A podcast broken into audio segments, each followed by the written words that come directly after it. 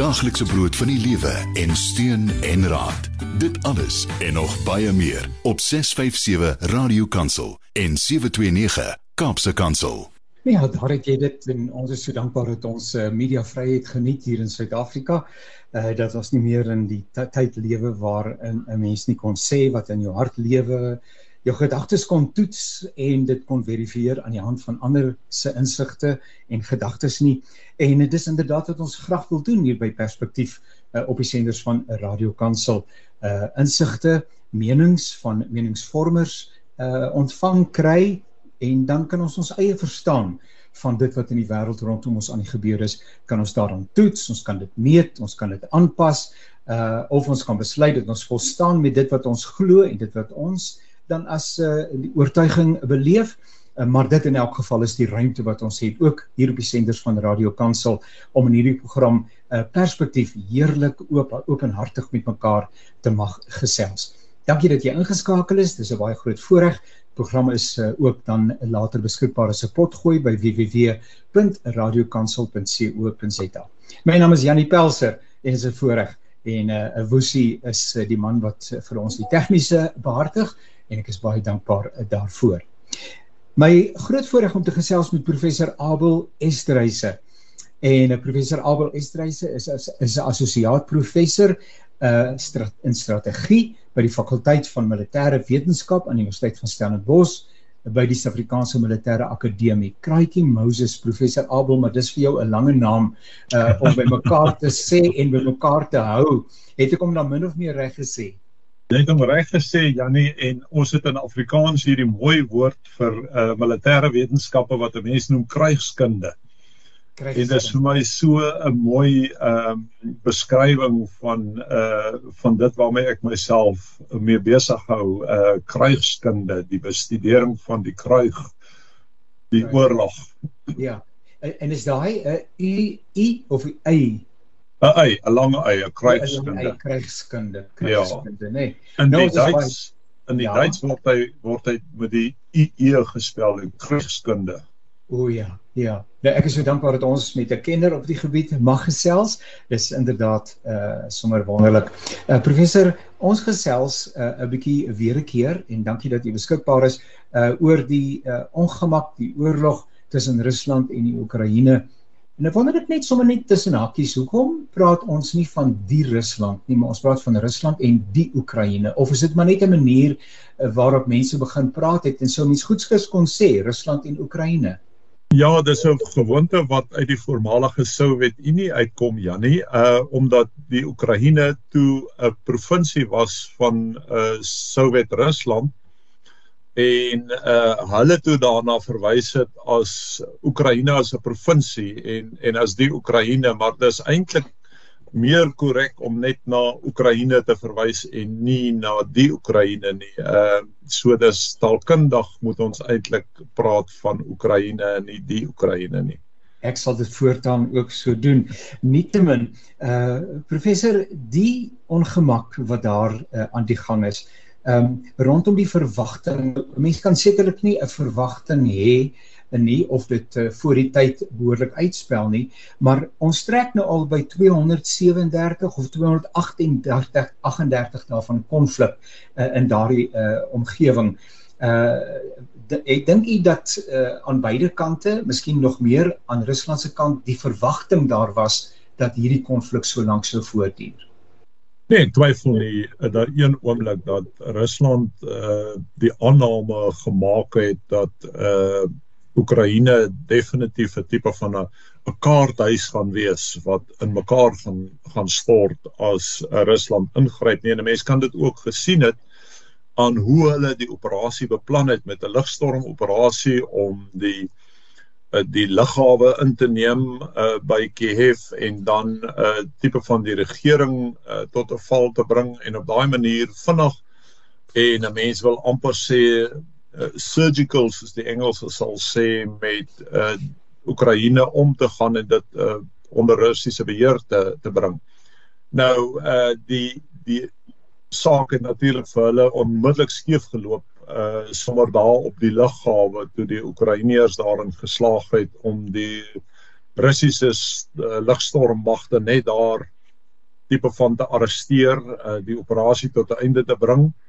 En uh, ja, toe het dit uh, uiteraard nou ontaard in 'n lang uitgerekte attrisionele oorlog waar ek dink op die oomblik uh vanaf die Oekraïense kant miskien uh doelbewus 'n bietjie uitgerek word um om die russe uit te put en om die russe uh toenemend in 'n in 'n strategiese posisie te plaas waar hulle eintlik maar met hulle rug teen die muur staan en eintlik maar in die hoek staan met baie min strategiese opsies tot hulle beskikking.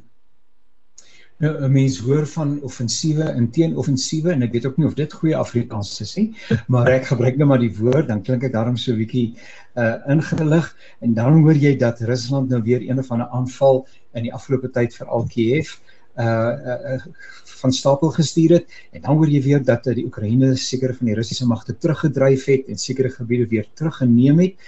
Wat is die situasie op die oomblik?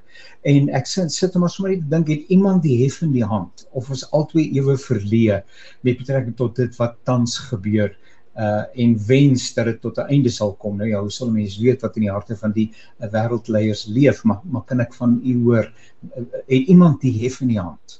Janie, ja, uh, dis eintlik baie interessant wat op die oomblik in die oorlog ontvou en ek sal 'n baie sterk saak wil uitmaak dat die Oekraïne uh die strategiese en die operasionele inisiatief uh by Rusland afgeneem het en dat die Oekraïne tot 'n groot mate toe eintlik in beheer is van die situasie op die oomblik. Uh en 'n mens sien dit op op verskeie maniere uitspeel tot 'n groot mate toe hoe dat die Oekraïne elke stap wat hulle wat hulle doen op 'n planmatige manier doen. Ons het laasweek gesien hoe hulle die brug wat uh, Rusland toegang gee tot die Krimskiereiland op 'n baie baie planmatige manier uh vernietig het.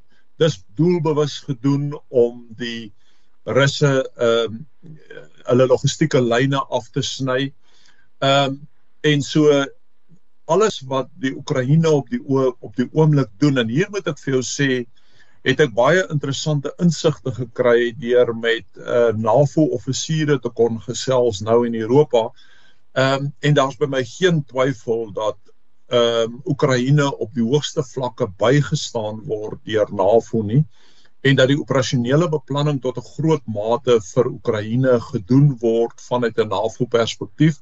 En so ja, ek ek wil baie sterk argumenteer en ons kan oor die detail en die ontvouing van die uh Oekraïne se se offensief op die oomblik gesels in in groter detail, maar daar's by my geen twyfel om nou die punt te maak dat Oekraïne in beheer is van die situasie nie. Nou vertel vir ons sommer van hierdie Europese besoek en dit wat u daar uh, gaan beleef het. Uh en dan ook in die verband, wou sommer net so tussen hakies gesê het, maar dit klink eintlik vir my Eh, dis Rusland teen die res van die wêreld. En dan met name as jy nou praat van NAVO, jy praat van Europa, jy praat van Amerika en dis meer en so aan, uh, dan het hulle ook dalk nie aan die begin dit verreken dat hierdie oorlog nie teen Oekraïne plaasvind nie. Ja, ek ek dink nie dit sal verkeerd wees om op die oomblik te praat van verskeie oorloë wat eintlik nou ontvou het rondom die uh die oorlog in Oekraïne nie. Natuurlik is daar die kinetiese oorlog as ek dit so mag stel wat in Oekraïne self uitspeel geografies uitspeel binne die Oekraïne. Maar daar's ook 'n hoër orde oorlog en daar's waarskynlik 'n ekonomiese oorlog aan die gang ehm uh, met die pyplyne en die gasvoorsiening en die wat hulle in Engels sal sê the weaponization van uh hulpbronne deur Rusland. Ehm um, so daar's definitief 'n ekonomiese daar's 'n kuberoorlog aan die gang op die oomblik uh daar is inderdaad 'n um, 'n sielkundige oorlog aan die gang 'n mens sou self so ver kan gaan om te sê dat daar 'n diplomatieke oorlog aan die gang is en 'n mens moet die nuances en die veelvlakkigheid van die oorlog uh, verstaan binne die internasionale gemeenskap om om te kan verdiskonteer wat nou in Oekraïne aan aan die ontvou is. Nou u besoek in Europa, uh u wat het u daar gaan doen? U het nou nie gaan kuier nie. Nee, bietjie gekuier ook, maar maar maar maar dit was 'n sakebesoek. Inderdaad. Um, ek is gevra om uh, deel te neem aan 'n uh, baie hoë vlak internasionale konferensie waar ons 'n bietjie gekyk het en gespekuleer het oor die toekoms van oorlogvoering en hoe konflik in die toekoms daar sal uitsien en hulle het uh, my spesifiek gevra om vanuit 'n uh, Afrika perspektief aan die konferensie deel te neem. So ek was geweldig bevoorreg geweest om die internasionale platform te kom deel met van die voorste kenners in ons vakgebied in in die wêreld. Ehm um, en ja, dis natuurlik 'n baie interessante gesprek op die oomblik teen die agtergrond van die oorlog wat in Oekraïne ontvou enerzijds anderzijds as gevolg van Europa se betrokkeheid daarbey en Europa wat toenemend tipe van wakker geskit word uit sy baie sterk ehm um, humanistiese en en en 'n mens wil amper sê vredesgedrewe benaderings tot internasionale ehm um, tot inter, internasionale aangeleenthede in die na-koue oorlog en na Tweede Wêreldoorlog era. En die mate waartoe realiteit ehm um, van magspolitiek eintlik weer teruggekeer het na die na die Europese omgewing en waar Europa nou met die harde werklik werklikheid van grootmoondheid konflik gekonfronteer word maar Europa word ook uh, gekonfronteer met ehm uh, die kompleksiteit van ehm uh, 'n demografiese samelewing wat wat besig is om demografies te verander en waarvan die potensiaal vir gemeenskapsgebaseerde geweld en en en en konflik van uit die samelewing uh geweldig toegeneem het die, die afgelope aantal jare. So dit was baie interessant om om juis binne Europa te kon uh gesels oor die realiteit van hierdie ontwikkelings binne Europa en natuurlik wat ook in die res van die wêreld aan die orde is um uh, veral in die in in die uh, Oos-Asiese gebied uh, wat China aanbetref um Midde-Ooste, Afrika, ehm um, en en ander plekke waar daar op die oomblik 'n uh, konflik aan die orde is. Dit voel baie keer soos 'n mens luister na die nuus en die media volg asof die wêreld aan gromme is vir mekaar. Uh China en Japan uh, uh Korea, Noord-Korea, Suid-Korea en die FSA en asof die ouens lus is vir mekaar en uh, ons vertrou dat hulle nie so lus raak dat dit vir ons almal in ellende dompel nie want daar is eintlik professor nie wenners en verloorders in oorlog nie. Ja, dis ongelukkig maar die die realiteit van van oorlog dat daar op die ou end uh verloorders is tot 'n groot mate. Maar daar's ook die waarheid dat die die die die oorwinnaars, jy weet, die geskiedenis skryf Jannie en dat ehm um, daar uiteindelik op 'n manier binne oorlog, uh, jy weet, fundamentele veranderinge uh binne samelewings uh na vore kom, jy weet. Ons kan in ons eie samelewing dink die geweld wat aan die orde is uh, was in die in die 70s en die 80s en hoe dit eintlik maar die veranderinge tot 'n groot mate toe gedryf het wat ons in die 1990s gesien het en 'n mens moet so half reflekteer op ons eie samelewing wat weer eens eh, jy weet al meer gekonfronteer word met die realiteite van konflik en geweld.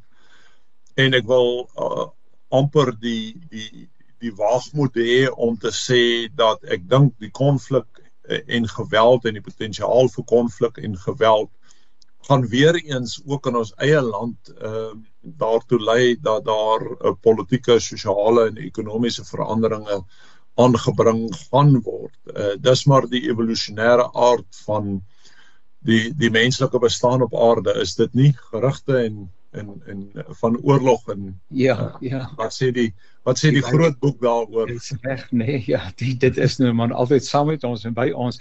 Nou nou intussen uh, en dis interessant uh, uh, u wat nou die kenner is op die gebied uh, Iran wat ook nou op 'n manier toegetree het tot die stryd uh, en 'n baie unieke manier van uh, oorlogvoering fasiliteer uh, ek uh, is dit 'n nuwe ding? Ek vermoed so relatief nuut dat uh, en dit moet ook seker meer ekonomies wees as ek die woord ekonomies kan gebruik as steede daarvan dat jy dan nou 'n 'n vliegtyg afskiet skiet jy nou 'n hommeltuig af so dit is seker maar hy rig ook skade aan.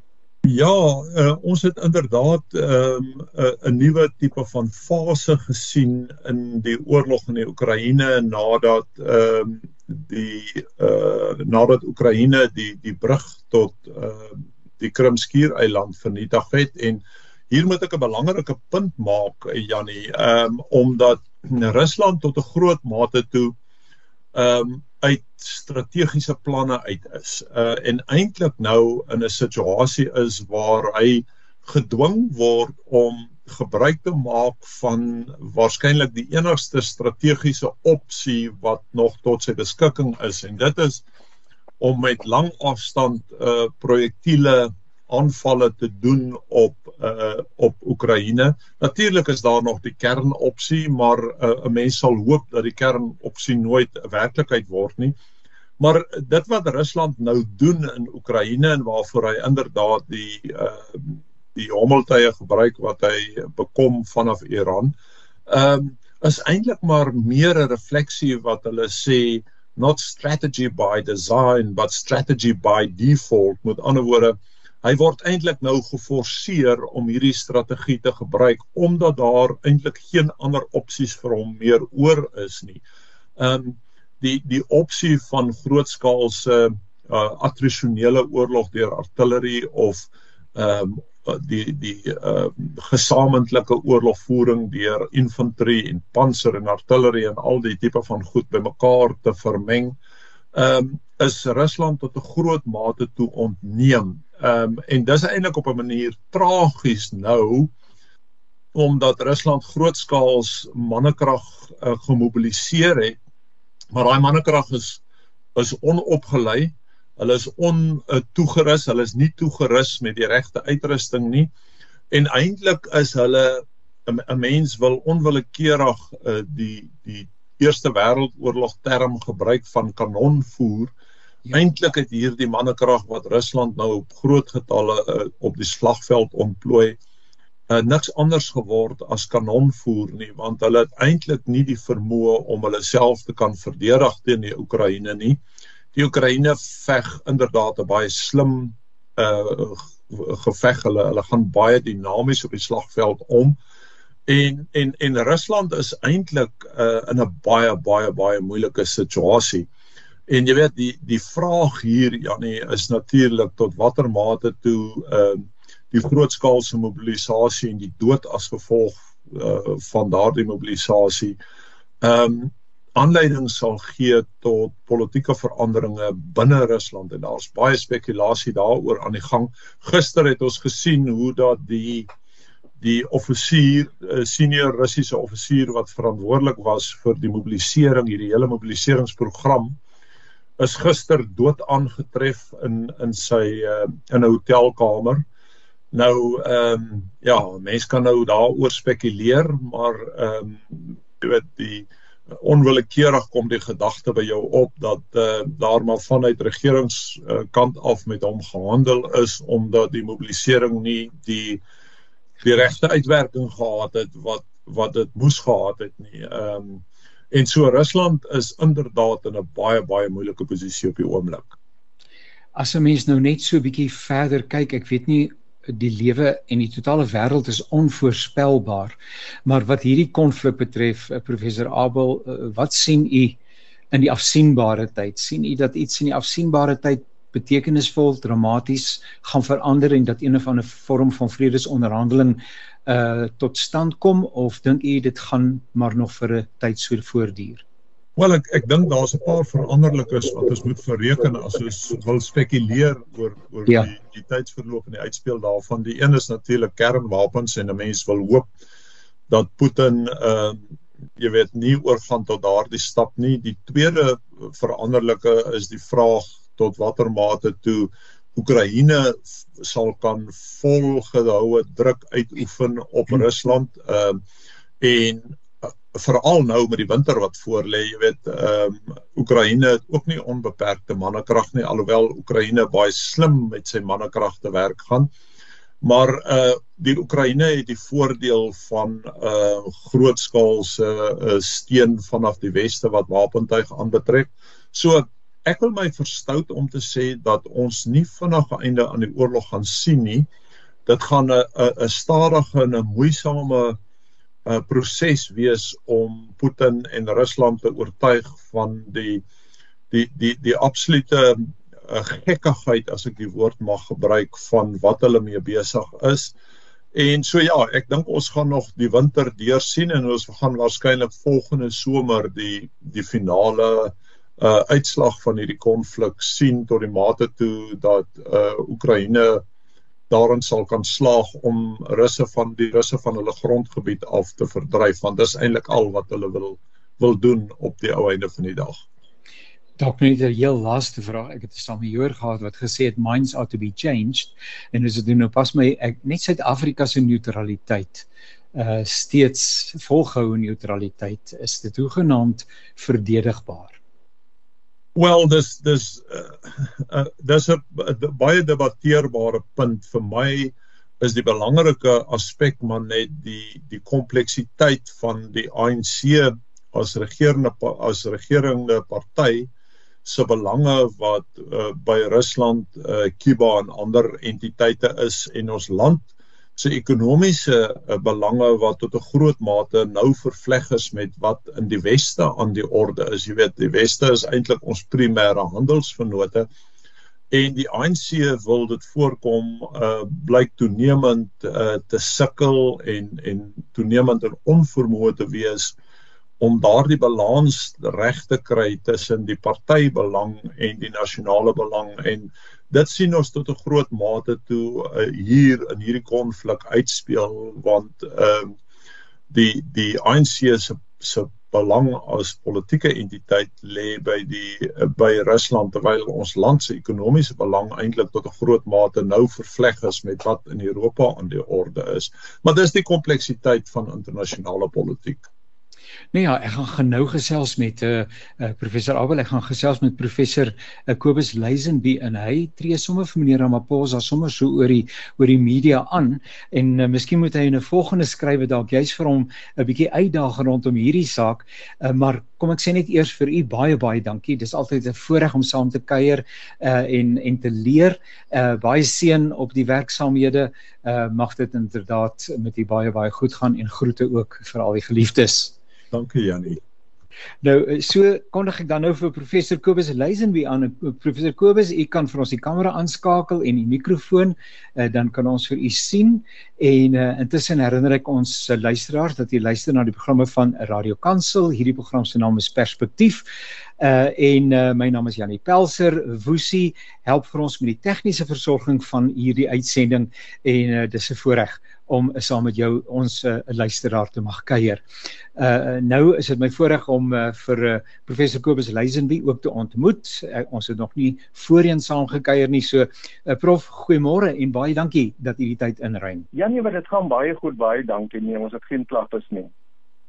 Uh professor so ietsie van uself asseblief. Ek het dit dat u afgetrede mede-professor aan die Universiteit van die Vrystaat is en dat u tans boer is in die Heidelberg omgewing in die Wes-Kaap. Vertel vir ons so ietsie van uself asseblief. Ah, jy weet jy Janie, ek moet eintlik niks meer sê nie. Dis al meer as genoeg. Ek was 'n dosent daar by die universiteit in die departement ondernemingsbestuur met strategie natuurlik nou as my ehm um, uh fokusarea. En ja, ek het so uh, in 2005 het ek al die plaas gekoop en ek het vir meer as 11 jaar het ek was ek so 'n deeltydse boer en ek het in 2017 net ek toe nou vroeë aftrede geneem en toe nou permanent kom boer. Uh ja, so en ek was ook in my tyd was ek ook so 20 jaar was ek op die uh, raadslid by die munisipaliteit van die Vrystaat. Nou ja, dit is sommer 'n hele lewe vol dinge nie waar nie. Uh, professor, u het in die onlangse verlede, sommer net in die afgelope week of wat, ehm uh, was daar 'n oop brief wat u geadresseer het aan ons geagte staatspresident meneer Cyril Ramaphosa uh, op netwerk 24 as vir ons luisteraars dit wil gaan raak lees kan hulle maar net uh, onder u naam uh, Kobus uh, Luizenby uh, dit gaan intik uh, ook op uh, op op Google en ek is seker hulle sal die brief daar kan opspoor. Kom ek begin sommer net om te vra nou wat het aanleiding gegee tot hierdie baie openhartige skrywe uh, wat u geadresseer het aan ons staatspresident? Ja, nee, ek het ehm um, nogal gewonder of u vir my sou vra of kom dit ek nie die brief maar direk aan aan aan Ramaphosa, meneer Ramaphosa geskryf nie. En ek ja. was bang dat dit nie sy aandag gaan kry dat hy hierdie brief kan kry van hierdie ou persoontjie en dan gaan hy hom nou maar sommer in die snippermandjie gooi en uh, toe het ek nou besluit maar miskien moet ek dit nou maar in die, in die koerant skryf en ek weet hulle het media mense wat veronderstel is om die koerant te fyn dop te hou en te kyk wat word geskryf en wat gebeur in die land en ek het toe nou gedink miskien kry hy dan nou uh, kennis van hierdie brief en veral as die brief dan nou so 'n bietjie aandag trek dat hy dan tog gaan kennis neem van die brief. Uh ja, so ek hoop regtig die inhoud van hierdie brief het by hom uitgekom en ek sal nou dit daar baie daarvan nou as ek 'n oproep kry soos wat ek nou van u oproep gekry het dat hy my gaan nooi vir 'n gesprek want dan het ek nou 'n hele paar dinge wat ek regtig vir hom wil sê sommer in persoon. Nou maar nou kom ons voor 'n bietjie van wat is van daardie dinge uh, wat u graag vir hom sal wil sê. Nou kom ek begin deur te sê uit die aard van die saak is u iets wat teleurgestel. Dis die toon van die brief iets anders verwag. So kom ons hoor asseblief uh, sal u bietjie vir ons inlig. Ja, nee, as ek nou sê so vir hom ek ek sal die antwoord van die dinge wat ek geskryf het bietjie wil uitlig. Ehm um, ja, ek het besluit om nie aanvallend te wees in my brief nie, want jy weet, met 'n aanvallende brief dan sou 'n mens nou kon redeneer ja, wat gaan gebeur met 'n aanvallende brief? Daar gaan 'n reaksie wees, daar gaan 'n verdediging wees. En uiteindelik as sy verdediging beter as my aanval is, dan verloor ek en hy wen.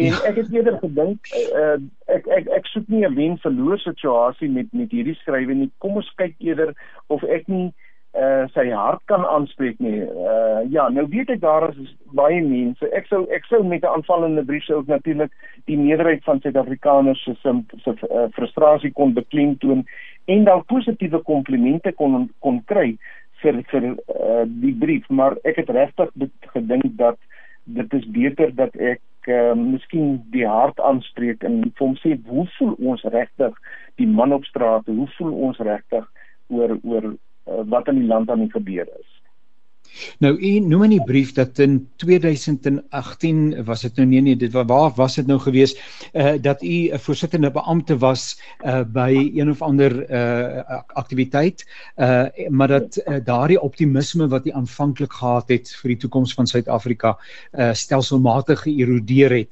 Uh, uh, skets 'n bietjie vir ons die lyn wat u volg ja. in u brief. Ja. Nee ek het in, in 1994 met die eerste demokratiese verkiesing het ek die voorreg gehad om 'n voorsittende beampte by 'n stemlokaal te wees. En ek kan onthou wat die aanloop van die verkiesing, jy weet hoe hoe mense gereageer. Daar was 'n opgaar van blikkies kos en mense het uh, ja. ja, hulle die erg hulle die ergste verwag. En as ja. ek nou aan die dag terugdink, dan dink ek aan die lang rye mense wat kom stem het en hoe ek mense, ou mense moes gehelp het om wat vir die eerste keer 'n kruisie kom trek het, hoe ek hulle moes help om die kruisie te trek as hulle my aangedui het waar die kruisie getrek moet word. Ja, ja en, en so ek het ek het in die brief ges, geskryf dat ek die atmosfeer was swanger van afwagting, van opgewondenheid oor wat oor hierdie nuwe ding wat gebeur, die nuwe era wat in die land aankom. En ek dink daar was soveel welwillendheid uh in daardie tyd en en ek bedoel met uh, uh, Nelson Mandela se uh, as presidentskap dink ek het dinge nog goed geloop en ook miskien nog met Mbeki se se volgende termyn het dit goed geloop. Uh ja, so ek ek dink die dinge het begin skeefloop met meneer Zuma se verkiesing toe hy nou president geword het en al die dinge wat gebeur het met staatskaping en ja, alles wat daarmee gepaard gegaan het het het daar 'n onvergenoegdheid by ons gewone mense op straat begin ontstaan en uh ja, dit ons net begin warm word onder die kraag oor dinge wat gebeur, hulpbronne wat vermors word ensovoorts ensovoorts. Ja, so ek ek ek dink in 2018 met die verkiesing dan van president Cyril Ramaphosa het het ons regtig gehoop nou gaan dinge verander want hy was tog die medeskrywer van 'n ongelooflike grondwet, die grondwet wat as die beste in die wêreld beskou word. En ons het regtig gedink hier gaan nou dinge begin gebeur. En ja, ons ons hoop dit uh, is beskaam. Tog die feit dat hy ehm um, adjunk president was terwyl staatskaping as dit ware onder sy oë plaasgevind het uh en met al die jammer wat uh ons geagte politici so dikwels sê maak dit 'n saak nie reg nie want die skade is absoluut onberekenbaar en dan uh, probeer ek sommer net 'n lyn trek is dalk nou nie regverdig nie maar nou weer met die ministeriële handboek. Uh is daar weer ernstige vrae wanneer ou sê maar uh wanneer sekere voordele uh sonder die insigte van van uh, en die regte prosedures uitgegee word dan dan wil 'n ou sê maar uh, uh, dit lyk voel so asof uh, en ook met pala pala asof oggend en aand praatjies nie heeltemal met mekaar ooreenkom nie. Ja, weet jy kyk ja, mens kan nou daaroor baie lank gesels om te sê ja, hy het geraamtes in sy kas. Wie het nie geraamtes in die kas? Kom ek begin so deur te vra as 'n mens na die ANC mense kyk. Ehm um, ek ek dink regtig dat dat dit wat gebeur hy is tussen die duiwel en die diep blou see in in hierdie stadium wat daar 'n verkiesing die einde van die jaar gaan wees oor 'n nuwe leier vir die ANC. Ehm um, hy moet hy moet so versigtig wees om nie op tone te trap sodat hy nie verkies word nie en as hy op tone trap dan uit die aard van die saak gaan hulle hom uitgooi. So jy weet dit gaan hier oor 'n persoonlike ek sê altyd politici trek in baie gevalle tree hulle op in persoonlike belang. En ek weet ek gaan nou gekruisig word miskien deur politici as ek dit sê. Maar baie politici tree op in persoonlike belang. Wat is vir my die beste? En ek dink dit is in hierdie stadium Ramaphosa wil graag 'n volgende termyn dien.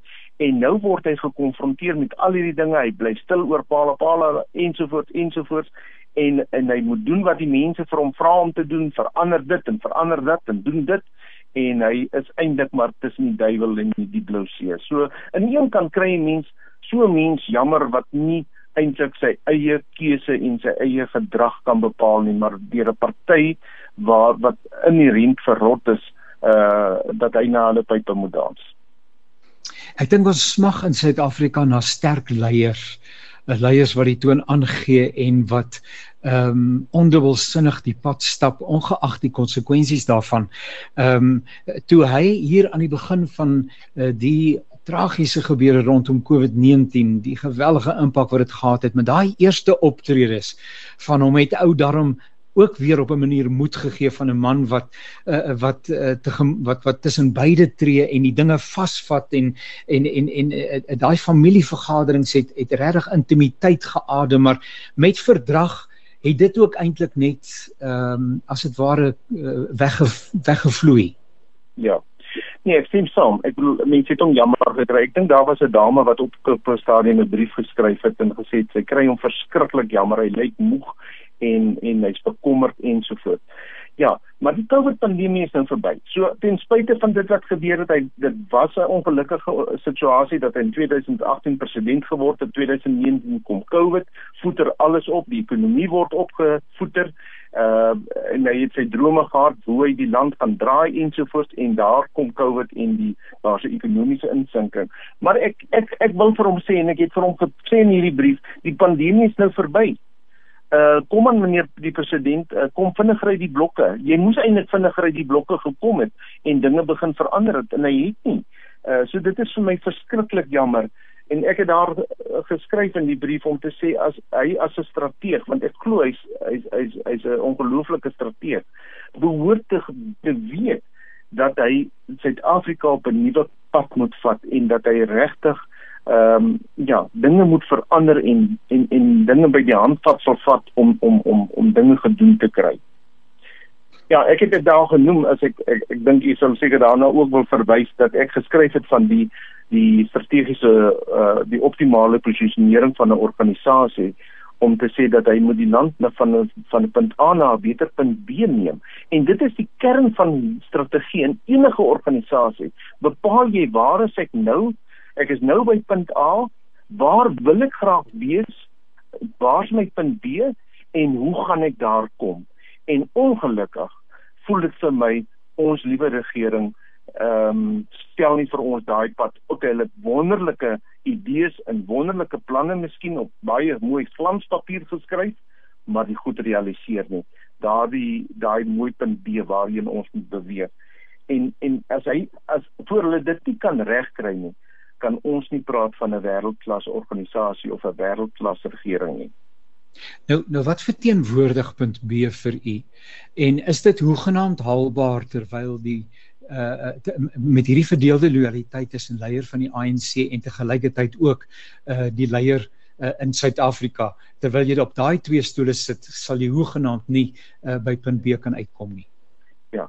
Dis 'n baie moeilike vraag. Weet jy, ek het ek het gedink oor hierdie punt B en ek ons kan nie in 'n kristalbal. Ek wens ek kan vandag in 'n kristalbal kyk en ek wens ek kan sien wat in die, in die toekoms gaan gebeur.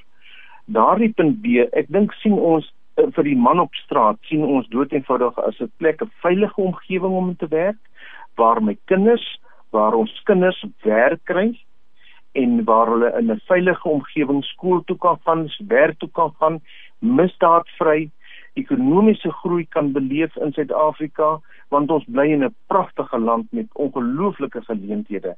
En so dis die punt B waarheen ek sien hierdie droom van Suid-Afrika, waarheen is ons op pad? Waarheen behoort ons op pad te wees? Uh ja, so as u vir my vra, Jan jy vir my vra waar is punt B, dan sê ek dit is daai punt waar ek kan lekker in die aand gaan slaap met met rustigheid en weet ek is veilig in my huis en môre kan opstaan en dankbaar wees dat ek na 'n uh, werk het waarin ek kan gaan en waar ek 'n bydrae kan maak tot die ekonomie van hierdie land. Nou ehm uh, die uh, leierskapsverkiesing van die einde van die jaar uh, die lê voor en weer eens is meneer Ramaphosa tussen die het jy die woorde gebruik van die duiwel in die diepsee of is dit nou my eie woorde? Ja, uh, is dit 'n baie moeilike stryd die een oomblik dan uh as mens die media volg dan word daar gesê dis onbetwis, daar's geen twyfel nie.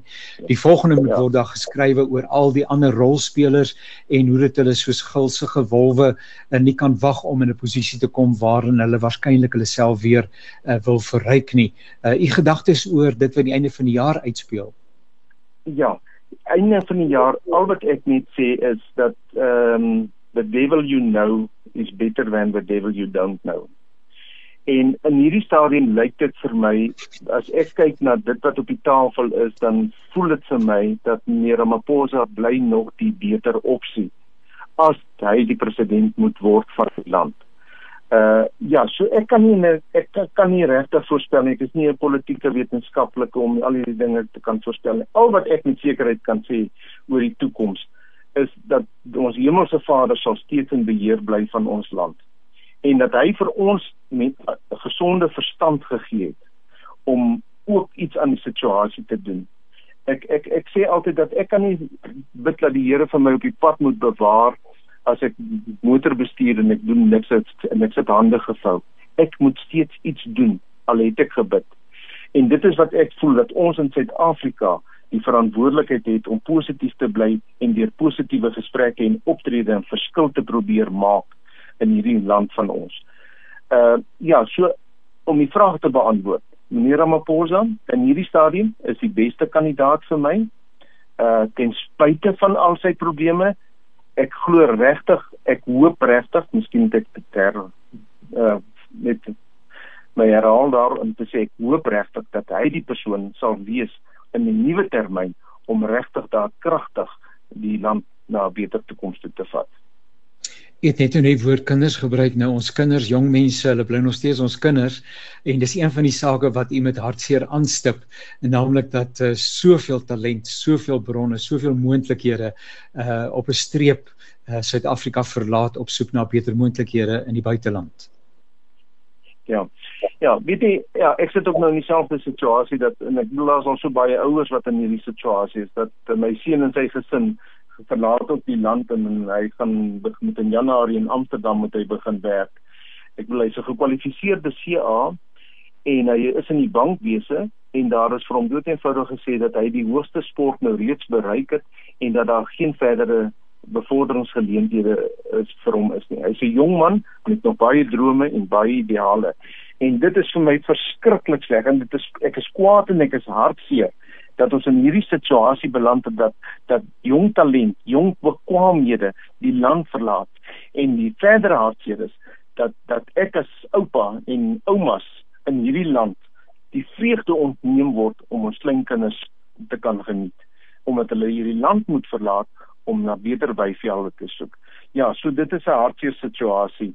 Uh en en ek het dit vir Ramaphosa geskryf in daai brief geskryf dat dit vir my baie baie sleg is en ek is baie kwaad daaroor. En ek sal dit graag vir hom wil sê hier is 'n hier's 'n totale uh wegkom wegloop van bekwaamhede, van talente. Ek wil kyk wat is die situasie met Eskom? Hoeveel talent is daar? Hoeveel bekwaamhede is daar? Hulle wil hierdie mense nie gebruik nie. Hoekom nie? Dis hoekom ek net vroeër gesê het, daar's by my geen uh onduidelikheid dat dat dat daar geen wil is om hierdie land werklik na 'n beter punt B te neem nie. Nou hierdie brief, hierdie oop brief van u het nou verskyn, 'n reaksie daarop? Ja, weet jy ek sal ek sal ek ek hou nou nogal dop wat die mense skryf. Party mense stem saam met my, party sê nee, Ram, meneer Ramaphosa is nie die regte persoon nie. Ehm um, ja, so ek ek ek ek, ek kry nou nogal baie oproepe van mense wat sê man, ons stem saam met jou en dit is vir ons hartseer. En ek wil tog sê ek dink ons tyd is seker al amper verby Janie want ek wil tog hier 'n belangrike ding sê in terme van vir, vir vir die man op die straat. Wat beteken die hierdie brief einde vir my as man op die straat? Kan ja. ek dit noem? Asseblief. Ek ek ek ek dink ehm um, as as ek nou kyk na alles wat ons gesê het oor oor hierdie brief en meneer Ramaphosa dan dink ek ons begaan sekere denkfoute as ons oor die toekoms van Suid-Afrika dink ek dink ons is so geneig om die verkeerde aannames te maak dat die toekoms 'n verlengstuk van die verlede gaan wees. Ja ja. Ons dink dat ons dink dat sake soos dit nou staan in die afsienbare of in die voorsienbare toekoms so sal bly en net slegter sal gaan. Natuurlik gaan dit sleg in Suid-Afrika. Dinge loop nie soos dit moet nie. Maar ons kan en ons mag nie hierdie aanname maak dat in die voorsienbare toekoms dinge nog slegter sal gaan nie die omgewing en die lewe is net te kompleks en voortdurende veranderinge maak dit net te moeilik om substansie aan hierdie foutiewe aanname te maak. Ons as Suid-Afrikaners moet ophou om voortdurend 'n sondebok te soek vir alles wat verkeerd loop en op om alles en almal te blameer soos wat ek trouens in my brief gedoen het vir meneer Ramaphosa. Ons moet ophou om tyd en energie te mors In plaas daarvan kan ons ons energie en tyd bestee aan die soeke na oplossings en self skouer aan die wiel sit om iets te verander. Al is dit net gesindhede en houdings rondom my. En ek dink dis 'n belangrike punt Janie wat ek wil beklemtoon as dit vir ons soms voel ons kan niks van ander nie. Ek kan niks doen aan 'n Eskom nie. Ek kan niks doen aan aan 'n president wat nie daadkragtig is nie, wat wat wat wegkruip in in 'n loopgraaf en nie uitkom om om die geveg vir Suid-Afrika te te veg nie. Dan kan ek in my klein wêreldjie kan ek die gesindhede en houdings rondom my verander. En natuurlik is daar baie uitdagings, maar daar's ook net so baie geleenthede. En Suid-Afrikaners het nog altyd die wil gehad om geleenthede te identifiseer en dit met entoesiasme, innovering en humor aan te pak. Kyk hoeveel grappies kom daar oor oor ja, ja. Uh, Ramaphosa, Eskom en noem maar op. Eskom. Ja. Ekskuus tog. Ons moet dit net weer doen. Ons moet wegbeweeg van hierdie swartgalligheid en negativiteit want dit bring ons nêrens nie. Hierdie tipe houding en gedrag is soos om in 'n wiegstoel te sit en te wieg.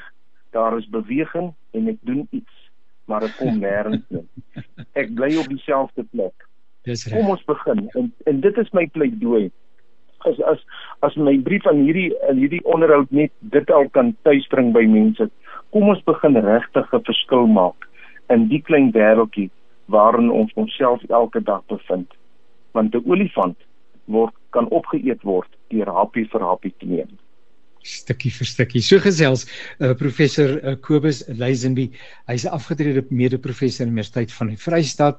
Uh, hy is 'n uh, boer, heeltyds boer in die Heidelberg omgewing in die Wes-Kaap.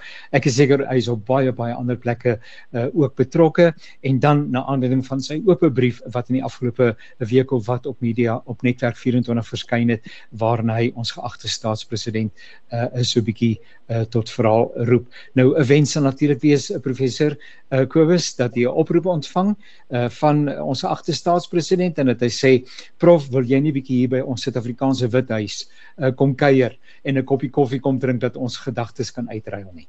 Dit sal baie lekker wees. Baie dankie Jannie vir die voorreg en die geleentheid. Hoor ek waardeer dit regtig. Daarmee baie baie dankie aan professor Abel Estreise, professor Kobus Leisenby en ook aan Woesie wat vir ons met die tegniese versorging van hierdie program gehelp het. Uh, potgooi beskikbaar by www.radiokansel.co.za. Ek uh, bly dat ons die tegniese uitdagings kon aanspreek en tog wel kon saamkuier. Tot 'n volgende keer, alles wat mooi is.